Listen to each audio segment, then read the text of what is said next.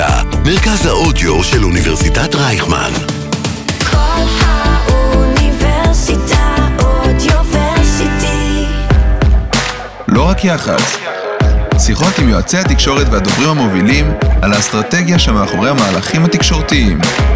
עם לירון בן יעקב. אהלן, ברוכות וברוכים הבאים לפודקאסט לא רק יח"צ, האסטרטגיה שמאחורי המהלכים התקשורתיים, שמשודר בכל האוניברסיטה, הרדיו של אוניברסיטת רייכמן. אני לירון בן יעקב, מרצה בבית הספר סמי עופר לתקשורת באוניברסיטת רייכמן, המרכז הבינתחומי, דוברת ומנהלת תקשורת. נמצאת איתנו היום ענת לב קונפורטס, דוברת אוניברסיטת בר אילן. היא תדבר איתנו על שימוש בחדשנות ובטכנולוגיות טרנדיות ביוזמות יחסי ציבור. ענת עוסקת בתקשורת מגיל 16. היא התחילה ככתבת במעריב לנוער, ובהמשך שירתה בדובר צה"ל. לאחר השחרור עבדה במשרדי יחסי ציבור. אם זה דבי, ובין אם זה אצל אייל ארד, אצל יפה אפרתי היא התחילה. לפני כעשור עברה לצד של הלקוח, מה שנקרא, והייתה דוברת של שני משרדי ממשלה בו זמנית, המשרד לפיתוח הנגב והגליל והמשרד לשיתוף פעולה אזורי. לאחר מכן הקימה את תחום יחסי הציבור במטה של חברת שטראוס, ואחרי שש שנים הגיעה לבר אילן. היי ענת, היי, מה שלומך? תודה שבאת.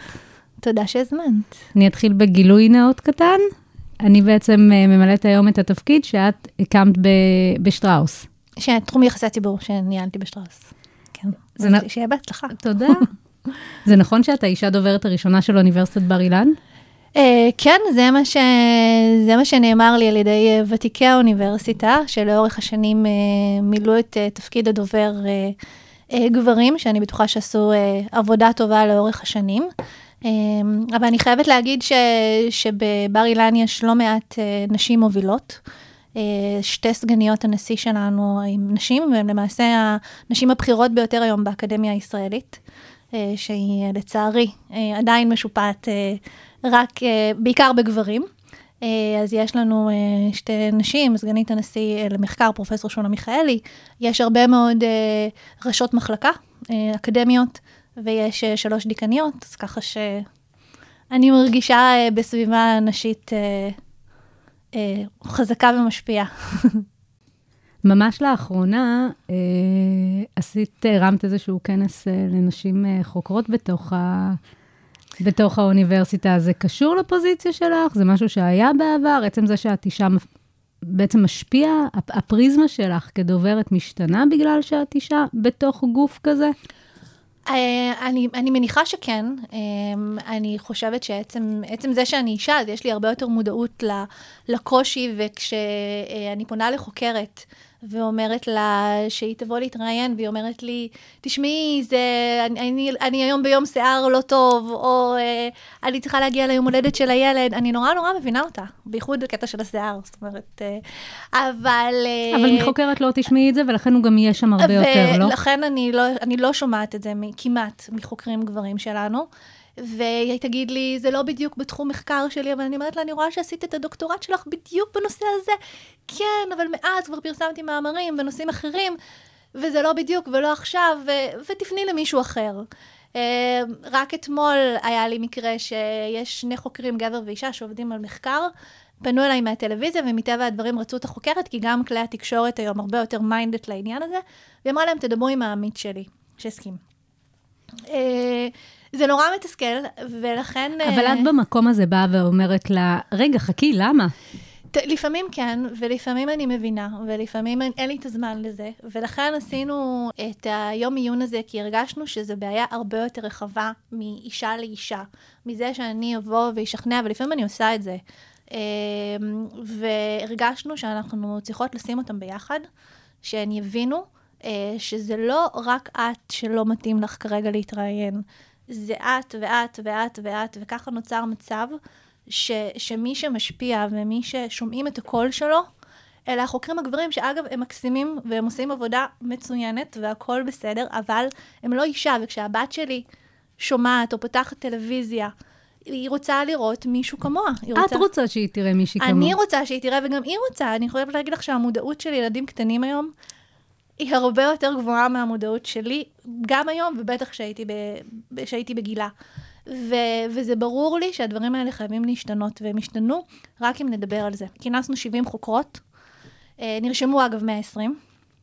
תמיד יש 70. את ה... כן, הערכנו שיהיה דרופים. בכל זאת גם מפגש פיזי, אה, לא היה הרבה זמן מפגשים פיזיים. הגיעו 70 חוקרות מכל הדיסציפלינות, מדעי החיים, רפואה, משפטים, חינוך, יהדות, הגיעו באמת רוח, מדעי המידע, הגיעו מכ- מכל, מכל הדיסציפלינות, והם באו והקשיבו, והבאנו את רינה מצליח, והיה פשוט אחד המפגשים הבאמת אה, יותר עוצמתיים שהייתי בהם. לפחות מהלינקדאין זה נראה מאוד מאוד מרשים. זה, אני עוד מעכלת את זה. בואי נתחיל דווקא בשטראוס. בכיף. הגעת לשם עם גלי המחאה החברתית של 2011. גם בימים אלו אנחנו נמצאים באיזשהו שיח על אה, יוקר המחיה ומחאה על המחירים שרק הולכים וגדלים. מה עצת הזהב שלך להתמודדות תקשורתית עם הבליץ הזה שמותגי הצריכה בימים אלה עוברים?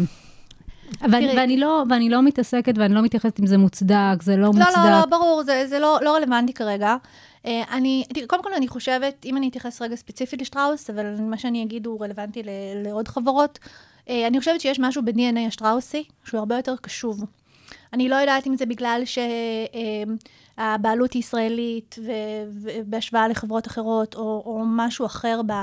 בתמהיל של המנהלים, אבל הוא הרבה יותר קשוב ל- לרכשים של הציבור, ויודעים לתת מענה יחסית מהיר. מה גם שרוב המנהלים היום, הם, בטח בשטראוס, הם בוגרי המחאות הקודמות. הם ראו את ההפכפכות של הציבור, הם יודעים מה קורה כשכועסים עליך. ולכן אני uh, בטוחה שהם יודעים גם מה לעשות כדי, uh, כדי שהדברים uh, לא יחזרו להיות כפי שהיו uh, באמת במחאות uh, הקודמות. Um, דבר נוסף שהוא בעיניי uh, תמיד עבד לי, זה, זה לדבר עם השטח. אני חושבת שבסוף, כשכמה שיותר אנשים ייחשפו לחברה כמו שהיא, שזה המפעלים שלה, הם יבינו את התהליכים, הם יבינו את ההשקעה, הם יראו את האנשים שבקצה של שרשרת האספקה, אה, הם, אה, הם יבינו את המחירים, הם יבינו את ההשקעה, הם לא ישאלו אותך אחר כך למה מילקי עולה 2.90. הם יראו את המחלבה, הם יראו איך זה עובד, איך הדברים נראים בשטח, ויבינו את, ה, את התהליכים. אה, ואני חושבת שגם כשאנחנו נתקלנו בביקורות כאלה, אה, ברגע שכל החברה, אה, החל מי שמדבר עם העיתונאי, עד מי שמדבר עם הקמעונאי או עם, ה, עם שירות הלקוחות, דיברו את אותם מסרים, זה, זה בדרך כלל גרם למשבר לעבור יותר מהר. אוניברסיטת בר אילן, האוניברסיטה השלישית בגודלה בישראל, אחרי ירושלים ותל אביב. איך היה לך המעבר משטראוס, שבעצם אה, שוק עסקי, תחרותי, מו- מוצרי צריכה, אה, לאקדמיה שהיא מתוקצבת, שהיא הרבה יותר שמרנית, הרבה יותר כבדה, התהליכים הרבה, הם אחרים. איך היה המעבר? אז תראי, אז קודם כל, אה, המעבר היה יותר חלק ממה שחשבתי, אני חייבת להגיד. אה, אני חושבת שזה נבע מהעובדה שהכרתי קצת אקדמיה לפני. אה, בתפקידים קודמים שלי, אה, כשעבדתי במשרד יחסי ציבור, אז גם אה, ניהלתי את יחסי הציבור של הבינתחומי, המקום שבו אנחנו יושבות עכשיו. היום זה כבר רייכמן. היום זה כבר רייכמן, נכון, אוניברסיטת רייכמן, אז הם היו הבינתחומי. ו- וספגתי ספגתי אקדמיה וגם עבדתי עם המועצה להשכלה גבוהה, אז אני מכירה את עולם המונחים, אבל אין ספק שהייתי צריכה ללמוד הר- הרבה, ואני עדיין לומדת. זה עצום, זה באמת באמת גדול. זה תשע פקולטות, יש לנו אה, 20 אלף, 21 אלף סטודנטים. אה, 760 חברי סגל, אה, מה שנקרא אקטין, מכהנים, יש לנו עוד אה, דוקטורנטים. ככה שיש אה, אה, 54 מחלקות, שהן למעשה כל אחת מהן מסוג של תת-מותג, אה, שצריך לתת לו מענה. ולכן, אה, ולכן אני עדיין לומדת, ו, וכל הזמן אה, מכירה עוד ועוד אה, תחומים שיש בקמפוס. אה, אבל אני, אני חושבת ש, שחלק מהעובדה שהמעבר שלי היה כל יחסית קל אה, מהחברה העסקית, זה שהגעתי יחד עם אה, קבוצה של מנהלים. מי שגייסה אותי זו נעמה גת, שהיא סמנכ"לית אה, השיווק והפיתוח העסקי של האוניברסיטה, שהיא הגיעה מעולם הבנקאות. אה, והמנכ"ל, גם הוא הגיע מתחום, ה, מהתחום הפיננסי. הנשיא שלנו, שהוא אומנם איש אקדמיה, אבל גם, גם יזם. ו, ולכן ה, המושגים, עולם המושגים שלי לא השתנה דרמטית. זאת אומרת, אני עדיין עובדת לפי תוכניות עבודה עם גאנטים, יש לי יעדים מאוד מאוד סדורים, יש לי תקציב. כל הדברים האלה, ש, כל הדברים האלה שבעצם הבאתי אותם מהחברה העסקית, רלוונטיים גם היום באוניברסיטה. וגם לפני כן עבדת, אה, עבדת בממשלה. זה נכון. לא שלא הכרת את, ה, את נכון, ההתנהלות. נכון, נכון. רוצה לספר לנו קצת על הרקע שלך? אז אה, כמו שאמרת... איפה אה, התחלת? אז אני, אני חיה תקשורת כזה, כאילו די, די הרבה שנים, אני לא, לא ממש זוכרת את עצמי בלי זה. אה, ותמיד תמיד התעניינתי ותמיד עסקתי בזה. אני חושבת שבאמת הניסיון שלי הוא כן, הוא כן מגוון, כי, כי עברתי הרבה מאוד תחומים שונים. התחלתי בכלל בעולמות הצרכנות, אחרי הצבא, שעבדתי אצל יפה אפרתי, ואז עשיתי shift לציבורי. ואז אחר כך עשיתי shift שוב ל, אה, למגזר העסקי, וזה ככה כל הזמן אה, זזתי בין העולמות. בואי, התחלת בדובר צה"ל. התחלתי בדובר צה"ל, כן, כמובן, כמובן, השירות הצבאי, שכבר היה לפני הרבה שנים, אבל, אה, אבל כן, השירות הצבאי היה מאוד משמעותי וחוויה... ואת עדיין מומלצת. חוזרת לשם מדי פעם. יוצא לי לפעמים, כן, קוראים לי, קוראים לי להרצות. ואת כל הדבר הזה, את כל הניסיון הזה, בעצם הבאת אה, לאוניברסיטה. נכון. אם את יכולה לשים בנקודה מה האתגר העיקרי שלך כדוברת האוניברסיטה. אמ, קודם כל האוניברסיטה, אה, אני חושבת שאוניברסיטת בר אילן זה גוף, זה גוף מדהים. הייתי בהרבה ארגונים, ויש בה, אה, עם כל הגודל שלה, יש בה אה, תחושה מאוד מאוד חזקה של משפחתיות, שאנשים שמרגישים שזה ממש חלק מהם, וזה ניכר בכל, ה, בכל הדרגות, גם הפרופסור הכי בכיר וגם העובד הכי זוטר. אה, וזה משהו ש, שבאמת אה, הרבה מאוד אנשים שבאים מבחוץ אה, מאוד נפעמים מזה. אני חושבת שהאתגר הגדול באוניברסיטה, שאנחנו עדיין מפצחים אותו, זה בעצם המעבר בתדמית, השינוי התדמית שבעצם האוניברסיטה עוברת. אוניברסיטת בר אילן, בר אילן הוקמה כאוניברסיטה של הציונות הדתית. אה, זו הייתה המטרה שלה כשהיא הוקמה בשנת 55. דיברנו על זה לפני כן, ואמרתי לך, כשאני חושבת על אוניברסיטת בר אילן, אני חושבת על זה שאני חייבת לקחת לימודי יהדות. ובאופן אוטומטי זה שם לי איזשהו בלוק. אז יש 20 אלף סטודנטים שזה לא שם להם בלוק, 21 אלף סטודנטים, אה, הרבה מאוד אה, תואר שני ותואר שלישי. אני חושבת שנעשה עוול גדול לנושא הזה של לימודי יסוד, וגם גם זה עבר אה, שינוי, אה, גם התחום הזה עבר הרבה מאוד שינויים לאורך השנים. אה, ואני יכולה להגיד לך מאנשים ש, שלומדים ולמדו שם, שזה בסוף כן הייתה חוויה מאוד מאוד חיובית. בסוף זה אקדמיה, את לא, את לא לומדת דברים שהם... אה, אה, את לא לומדת יהדות במובן ה... כמו שאת חושבת אותה, אלא את לומדת מדע. מדע שקשור לעולמות השונים, ויש שם קורסים אה, מאוד מאוד מעניינים. ואיך פיצחת גם- את זה בעולמות הדוברות? ואני אני רוצה להגיד שבעצם בשנים האחרונות האוניברסיטה עשתה איזשהו שיפט מאוד מאוד גדול, וזה מתחיל מהשינוי במוצר. בסוף אני יכולה לבוא ולדבר ולדבר, אבל אם לא יהיה שינוי במוצר, אם המוצר עצמו לא יהיה מוצר ממש טוב, זה לא יעזור. ולכן אה, אה, שינויים מאוד מאוד גדולים, גם שרואים אותם בשטח. אה, היום אה, 65% מהסטודנטים שלנו הם חילונים.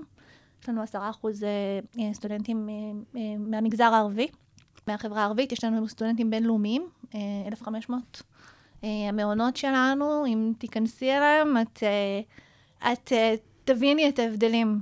יש שם סינים, ויש שם אוקראינים, ויש שם חבר'ה מהודו, וחבר'ה מהחברה הערבית, וכמובן ישראלים, ש... ישראלים יהודים שגרים שם. כך שיש שם תמהיל מאוד מאוד מעניין, ואת תביני, תביני לאן הגעת. אה, אז יש, יש את הפער הזה שהוא כל הזמן צץ וכל הזמן קיים, וכמו איזה קפיץ כזה, שמדי פעם, אה, שמדי פעם אה, אה, משתחרר וצריך להחזיר אותו למקום.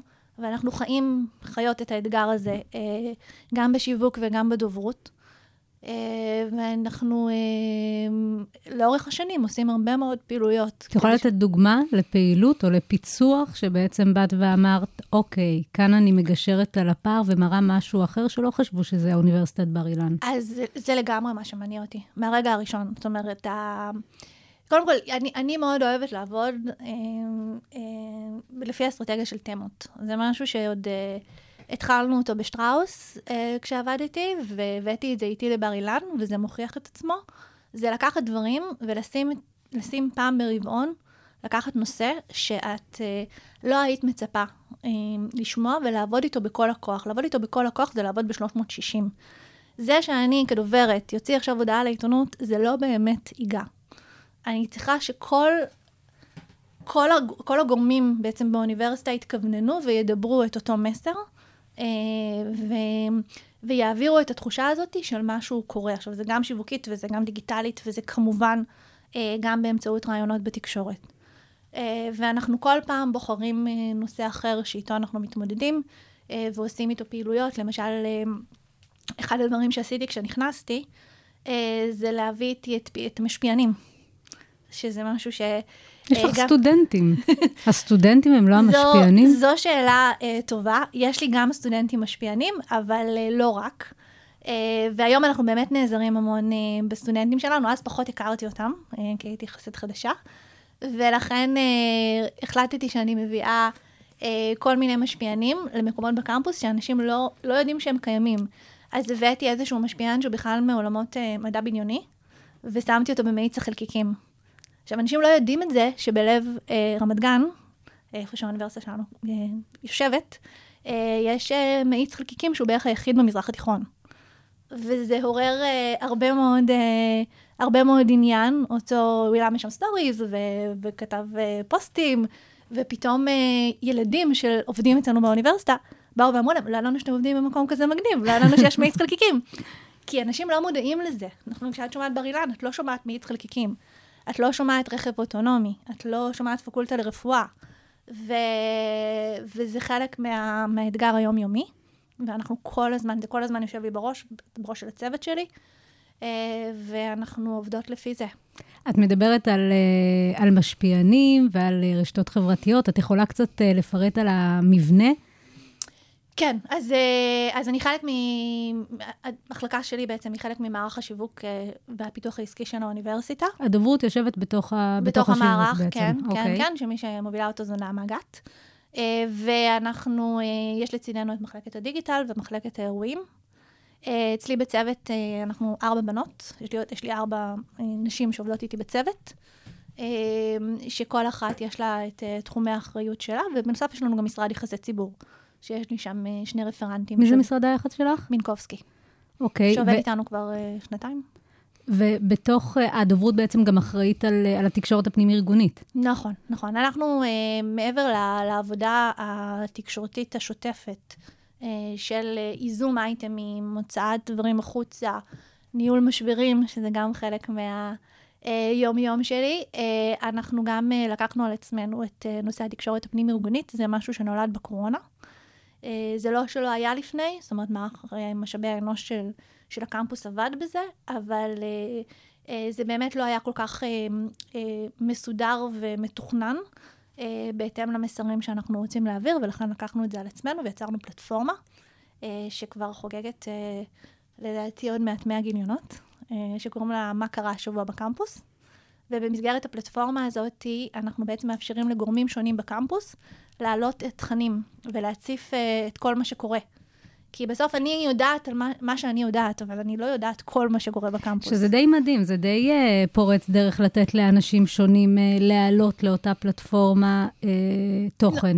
נכון, uh, אבל... בטח בארגון כזה שהכל צריך להיות נורא מסודר, נורא מאושר, הכל בקו אחד, המסרים. אז, אה, אז, אז קודם כל זה מסודר וזה מאושר, כי זה אנשים שאנחנו כמובן עובד- עובדים איתם והכשרנו אותם, אבל כן, הם יושבים במחלקות השונות, הם יושבים אה, אה, במקומות שונים בקמפוס. והם וחיים מעלים את מתי שהם הקמפוס. רוצים. ומעלים מתי שהם רוצים. אנחנו פעם בשבוע אה, עושים עריכה של התוכן הזה, יש לי אה, את יפעת מהצוות שלי שאמונה על זה, ויוצרים בעצם מעין אה, ניוזלטר.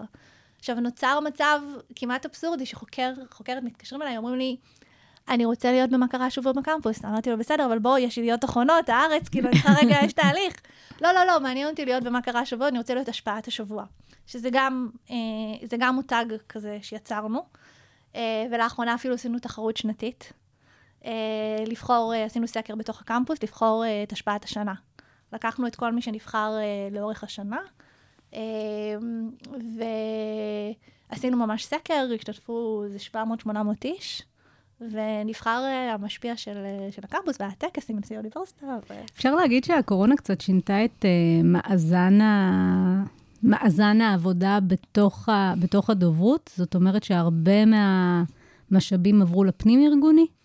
תראי, אין ספק שכשלא נפגשים, אחד, אחד באמת האתגרים בקורונה, אה, הקמפוס בעצם עבר תוך סוף שבוע אחד להיות אה, קמפוס בזום, זה, זה מטורף. זה מטורף. זה, זה, מי שלא ראה את זה בעיניים, זה, זה פשוט אי אפשר להבין את העוצמה של 3,000 קורסים שפשוט ביום אחד מורידים את השלטר עוברים לאונליין. ועוברים לאונליין. זה, אני, אני זוכרת שהיום לימודים הראשון, אני הסתובבתי בחרדה, כי, כי לא ידעתי איך זה יעבור. והיום קשה לנו להחזיר אותם אלינו. לכיתות. לכיתות. זה ממש, אה, ממש אתגר. אה, ותחשבי שיש דור שלם של סטודנטים ש, שבעצם כל שנה א' התחילו את הלימודים בזום. אה, אז זה היה אתגר מאוד מאוד גדול, ולא רק שהלימודים עברו לזום, כל מערך השירות עבר לזום. וזה חלק מהדברים, אלה עדיין נשארו, כי הם פשוט הוכח- הוכחו כ, כאפקטיביים יותר. אה, והקמנו גם כאן, אה, לא אני, אבל תחת מחלקת שירות אה, וגיוס, הקמנו, הקמנו פלטפורמה דיגיטלית שנקראת דלת פתוחה, שאנשים יכולים לקבל שירות. אני לא, לא ארחיב על זה כרגע, אבל זה מעניין בפני עצמו. אנחנו ממש הבנו ולקחנו, ואנחנו מאוד משתדלים לקחת מההיברידיות את הדברים הטובים, ומה ש, שפחות עבד, להחזיר לפרונטלי, ומה שכן עובד, לשמר אותו בדיגיטל. ויש כל הזמן את, ה, את, הדבר, את, ה, את, ה, את הפער הזה ואת ה, השינויים האלה. אה, ותפקידים חדשים שנוצרו ותפקידים שהתייתרו. יש, יש בהחלט, אני חושבת שמה שעבר על האוניברסיטאות בשנתיים האחרונות הוא מרתק ועוד, אה, ועוד ילמד. ועל ספידים. ועל ספידים, והכל הכל נורא מהר. אם היינו צריכים לעשות את זה בזמן אמיתי, לא יודעת, אולי 15 שנה, אולי. מי קהל היעד שלך? יש לי אה, כמה בעלי עניין. אה, קודם כל הסטודנטים, הם הלקוחות שלנו. הסטודנטים שקיימים, הסטודנטים שיהיו. אה, הם אה, לקוחות לכל דבר ועניין, הם מקבלים מאיתנו אה, מוצר. וזה דור שיודע איך לדרוש מוצרים, ואיך לקבל שירות ומה צריך לעשות, וזה מצריך מאיתנו לעשות המון adjustment. אנחנו מנהלים איתם תקשורת כמו, כמו לקוח, זאת אומרת, יש להם, אני למשל, כחלק מה, מהתפקיד שלי והאחריות שלי בארגון, אני גם אחראית על ה... אה, אני עוברת, לא אחראית, אני, אני עוברת על התכנים שמופצים לסטודנטים. בדיוק מהמקום הזה של גם למנוע משברים, וגם לתקשר איתם טוב יותר ולהתאים את התכנים. אה, בדיוק מתוך הבנה ש, שאם אתה מתקשר נכון עם בעל עניין שלך, אתה גם, אני, אני גם יכולה למנוע משברים וגם uh, לשפר את, uh, את יחסי האמון וה, uh, והתחושה בקמפוס. Uh, יש לנו כמובן, uh, יש לי כמובן בעלי עניין שהם התורמים שלנו, שהם גם קוראים עיתונים. Uh, התורמים והתורמות, uh, אנחנו, uh, יש לנו בעלי עניין ברגולציה, שהם המועצה להשכלה גבוהה, משרד החינוך. יש כמה וכמה בעלי עניין וצריך לג'נגל בין כולם. כשאת uh, מציעה מחקר חדש או חוקר שיתראיין, מבחינתך, מי את רוצה שיקשיב לזה? מי את רוצה שיאזין, שיראה, שיקרא? Um, אני רוצה שזה יגיע לתפוצה uh, כמה שיותר רחבה. יש כאן, uh, יש כאן כמה uh, אלמנטים שצריך, uh, שצריך למצוא בהם את האיזון, כי מצד אחד יש את החוקר, שמאוד חשוב לו שהבמה תהיה סופר סופר מכובדת. זה גם מאוד, את יודעת, זה לקדם גם את החוקר עצמו. נכון. זה נכון. לא, כאילו, ויש כאן איזשהו מתח בין הקרדיט והמקום והלהרים את החוקר ולהפוך אותו לסטאר, לבין ה... לבין כן, בר האמת ש, שבדיוק ב, בימים אלה, אה, אנחנו מתמודדים עם סוגיה כזאת. חוקר שלנו התראיין לארץ, למוסף הארץ, אה, פרופסור איתן אוקון, אני לא יודעת אם קראת את הכתבה, הוא אה, כתבה שעסקה ב... אה, הוא חוקר אה, אלצהיימר, והוא החליט גם לנסות על עצמו. אה, את, ה, את התובנות של המחקרים שלו, והוא פשוט אה, צם רוב שעות היום, לא שותה קפה. אה, אני ידעתי שהוא אה, טיפוס, טיפוס אחר ושונה, וידעתי שזה יעורר עניין, וידעתי גם שיהיה לו חיבור מאוד מאוד טוב עם הכתבת, ורדפתי אחריה כמעט שנתיים, וזה קרה. אה, אבל מה שקרה אחר כך, אפילו אני לא יכולתי לצפות, פשוט לקחו את הדברים שלו ושמו אותם בסטטוסים מצייצים, ונהיה דיון שלם על זה, על, על איך הוא חי. Uh, וכמובן משם זה הגיע לראיונות אצל רפי רשף, וערוץ 12 ו-13, ותוכניות רדיו בלי הפסקה, והוא כבר שלושה ימים לא מפסיק להתראיין. ויש פתאום את הדיסוננס הזה שאת, uh, שאת אומרת, יש לי כאן חוקר שבעצם הפך לסוג של, uh, של, טל, של טאלנט, uh, וזה, וזה מעניין, וזה, וזה טוב בגדול, אני, אני בעד זה. איפה את בתוך זה? Uh, בעיקר שומרת עליו, שהוא לא, את יודעת שהדברים כמובן ישקפו את מישהו ואת המחקר שלו, דואגים כל הזמן למסגר את זה ולשים את זה בתוך הפריים המדעי, כי את יודעת, מאוד קל במקומות האלה לצאת ולהיות אה, מי שנותן עכשיו טיפים. זה, זה לא המקום שלנו, אנחנו צריכים מאוד מאוד לשמור על ההשוואה, על המדע, לדבר רק על בסיס נתונים, אה, וזה משהו שבו אני אה, כמובן אה, דואגת שגם במקומות כאלה שהם יוצאים כביכול מעבר לחממה שאני גידרתי להם, אה, ולפעמים זה יוצא באמת למקומות שאת לא מצפה, כמו סטטוסים. סטטוסים מצייצים, אז uh, עדיין, uh, עדיין המקצועיות והמדע יהיו בפרונט, כי זה, כי זה האסנס שלנו. אחד מהאתגרים העיקריים uh, בת- בתפקיד של דוברת, uh, בטח בתפקיד של דוברת uh, בגוף uh, ממוסד, ותיק, שמרן במידה, זה לספר שוב ושוב את אותו סיפור, רק מזווית אחרת. ויש גם רגעי שיא בעולמות האקדמיה. וכאן באות לידי ביטוי יכולות uh, של יצירתיות, של חדשנות, שזה תמיד נורא נורא כיף במקצוע שלנו. אחת הסיבות שגם הזמנתי אותך, כי ראיתי, uh, שוב, לינקדאין, uh, את המהלכים שאת מובילה. אם זה ה-NFT, אם זה עם הש- השת"פ עם ביט, את יכולה לשתף קצת? כן, בשמחה. קודם כל, אני חושבת שחדשנות זה... יש לזה ערך הרבה יותר משמעותי מההיבט הפיארי. זה נותן drive מטורף, קודם כל למי שעושה אותו, ולמי למי שעושה אותה ולמי שיוזם אותה. אה, ו, ולכל הארגון יש לזה, יש לזה ערך עצום. אני ממש ממש שמחה ש, שיש לי עם מי לעבוד בהיבט הזה, כי, כי חדשנות, את יודעת, רעיונות טובים יש מלא. בסוף את צריכה מישהו שייקח אותך ותדעי לשתף איתו את הרעיון, והוא יגיד לך, או שיגיד לך לרוץ, או שהוא יחבר אותך לאנשים המתאימים שיודעים להריץ, וזה מה שקורה אצלנו ב, אה, בארגון בצורה כמעט אה, מושלמת באמת בהיבט הזה, למרות שאנחנו אקדמיה ולמרות כל הבירוקרטיה.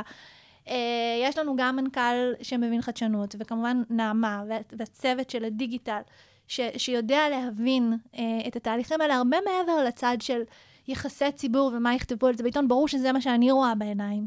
אבל זה הרבה יותר עמוק, והנושא של ה-NFT למעשה נולד אה, לקראת אה, יום פתוח, אה, תחילת גיוס לשנת הלימודים הקרובה, שכבר התחלנו אותו, אה, כל האוניברסיטאות ככה עכשיו, וגם המכללות, אני מניחה, אה, באיזשהו באז תקשורתי. אה, קמפיינים באוויר וכו' וכו', כדי לגייס כמה שיותר, לא רק לגייס כמה שיותר סטודנטים, זה פשוט לגייס את הסטודנטים הכי טובים. זה, זה בעצם האתגר, בטח כשאת אוניברסיטה. אה, את רוצה שאנשים, שהסטודנטים האיכותיים, הציונים הטובים יגיעו אלייך ולא למתחרים. אה, ו- וזה המשחק שאנחנו משחקים היום, ואת חייבת ללכוד איכשהו את תשומת הלב התקשורתית. עכשיו, בסדר, כולם בקמפיינים, כולם אומרים יש לי יום פתוח, כולם אומרים יש לי מגמה חדשה, תוכנית חדשה. זה כבר בסוף זה, זה, זה, זה, זה נהיה פחות, אה, פחות משמעותי. אה, וחיפשנו חיפשנו איזשהו סיפור שהוא יהיה Game Changer אה, ויוכל להבליט אותנו. אה, וזה נולד ממש משיחה מקרית שלי עם חוקר מניהול, שאמר לי שהוא מתנסה ב-NFT, ואמרתי לו, כן, קראתי לזה כתבות, מה זה בדיוק, תסביר לי, תספר לי, כאילו, הוא אמר לי, תקשיבי, זה נורא פשוט. והוא התחיל להסביר לי, ואז הוא אמר לי, כן, למה ש... כאילו, אני חושב עכשיו, יש לי עכשיו, אה, אה, הוא מלמד סמינר לתואר שני, ובאים כל מיני אנשים להעביר אה, סדנאות, אז הוא אמר, אני, אני חושב שאני אתן להם NFT. ככה זה התחיל. אמרתי לו, מה זאת אומרת תיתן להם NFT? אמר לי, כן, אני קונה בזה 30 דולר וזה, מחלק NFT לאנשים, כאילו, לא יכול לשלם להם, כי באוניברסיטה לא משלמים בגדול. אה, אז אני אתן להם NFT. אמרתי לו, אוקיי, מעניין. ואז, אני לא יודעת, פשוט באתי, נסעתי הביתה, כבר זה היה סוף היום. אני שולחת הודעה לנעמה, לא, תקשיבי, למה שלא ניתן NFT לסטודנטים שנרשמים ללימודים? כאילו, גם ככה נותנים שובר, יש כזה שובר הנחה כזה שכל האוניברסיטאות נותנות, אה, של איזה 200 שקל, 250. בוא ניתן להם NFT. כאילו, לא, לא, לא במקום, אבל כאילו בנוסף נציע להם. והתחלנו לגלגל את זה, והמנכ"ל עף על זה, בואי רגע, זה פשוט... אה, בואי רגע נפתח סוגריים. מה זה NFT? NFT, כן. ההגדרה המילונית, הפירוש של המילה NFT זה non-fungible token. אני אוהבת להגיד את זה. בתכלס, זה סוג של יצירה דיגיטלית נסחרת. שזה התחיל אה, בעולמות האומנות בכלל. שזה התחיל בכלל בעולמות האומנות. זה התחיל מזה שהרבה מאוד אנשים נתקעו עם הרבה מאוד כסף אה, בעולמות הקריפטו, והיו צריכים כנראה איכשהו איתו משהו. להזיז אותו. אה, והתחילו אה, לסחור ביצירות אומנות, מה שהכי חזק היום זה הקופים, שעכשיו הבנתי שהם התאחדו עם הפנקיסטים ב-NFT, כאילו יש, אני חברה בכל מיני קבוצות, אז אני, אה, אני מתעדכנת, חייבת להגיד שאני אישית לא סוחרת ב-NFT, כאילו, אז אין לי כאן אינטרסים. אבל זה עולם תוכן מטורף, והתחלתי ככה לעקוב אחרי הקבוצות השונות, בעיקר בטוויטר, וגיליתי עולם תוכן מאוד מאוד מעניין. ואז, אה, ואז אה, בעצם התחלנו ללמוד על זה לעומק, מה המשמעות.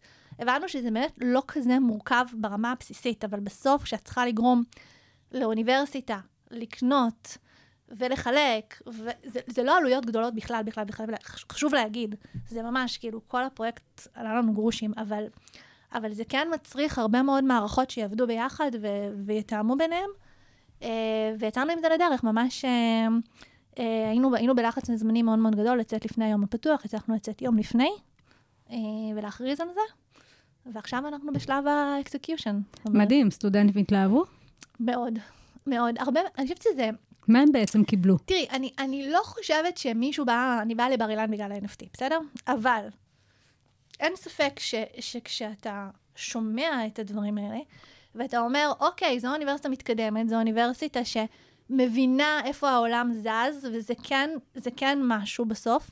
Uh, והתגובות היו מדהימות. Uh, יצרנו, יצרנו דמויות uh, של סטודנטים שונים, סטודנטיות מכל, ה, מכל המגזרים. אמ, ו- והצענו, באמת התחלנו לחלק אותם אה, לסטודנטים, יש איזשהו תהליך עם תקנון וזה, ומי שנרשם, כאילו צריך להתקבל לאוניברסיטה, יש איזשהו תהליך. אה, ואני חושבת שמעבר ל- לתגובה של הסטודנטים, אני נורא נהניתי להסתובב ביום הפתוח שלנו, ו- ולראות את הצוות, לראות את האנשים שבפרונט, שכאילו אומרים לי, וואי, איזה מגניב, עכשיו פתאום, פתאום כולם מדברים, פתאום כולם מדברים NFT, כולם פתאום יודעים מה זה. אה, וזה הכניס בהם איזושהי גאוות יחידה. וזה חלק מאוד חשוב של חדשנות בעיניי. ותקשורתית, איפה הסופ... הסיפור סופר? Uh, תקשורתית הוצאנו את זה ממש uh, יום לפני, היה, היה בחדשות, כאילו בן מיטלמן סיקר את זה, והיה היה בוויינט כתבה גדולה, היה, היה בכמה מקומות, זה גם רץ ברשתות החברתיות, uh, שיתופים. אה, אפילו אילון מאסק עשה לייק בטוויטר. די מטורף. כן, כן, זה היה, אה, זה היה ממש מגניב. וזה עדיין קורה, זאת אומרת, עכשיו זה, זה השלב שבו אנחנו מוציאים את זה לפועל, יש לנו עוד מעט עוד יום פתוח. ו... ולפני כמה שנים עשית, אה, עשיתם שיתוף פעולה עם ביט? כן. האפליקציה של בנק הפועלים? כן, היום זה כאילו נראה ממש מזמן. זה גם נראה נורא טריוויאלי. וזה נראה נורא טריוויאלי, אבל, אבל זה כש, לא. כשהגעתי לבר אילן, אה, אז אה, לא נעים להגיד, אבל עדיין רוב האנשים שילמו בשוברים. זאת אומרת שאם את רוצה... ואנחנו שילמנו בשוברים כשהיינו בדיוק, באוניברסיטה. בדיוק, אני, אני זוכרת את זה, הייתי הולכת ל- לאוניברסיטת תל אביב, ל- לא יודעת למה, למשרדים, לקושש את השוברים, ללכת בול. לבנק, לשלם, כזה, אוקיי?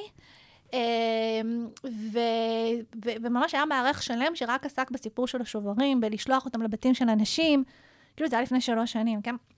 ו, אה, ואמרתי לעצמי, זה לא הגיוני. זה לא הגיוני בטח שכאילו... לא לצעירים. זה לא הגיוני שאנשים עכשיו צריכים לחכות בבית לשוברים, ללכת לשלם. זה לא הגיוני. וחייב להיות איזשהו, אה, איזשהו שלב שבו אני יכולה לשלם לפחות חלק מהתשלום. אחר כך שכבר בקמפוס זה יותר פשוט, אבל בוא נגיד את התשלום הראשוני, ה- ה- ה- הראשון שאת צריכה לשלם לקמפוס, בוא, בוא, בוא נאפשר בביט. ואז ביט באמת התחילו יותר לפנות לעסקים.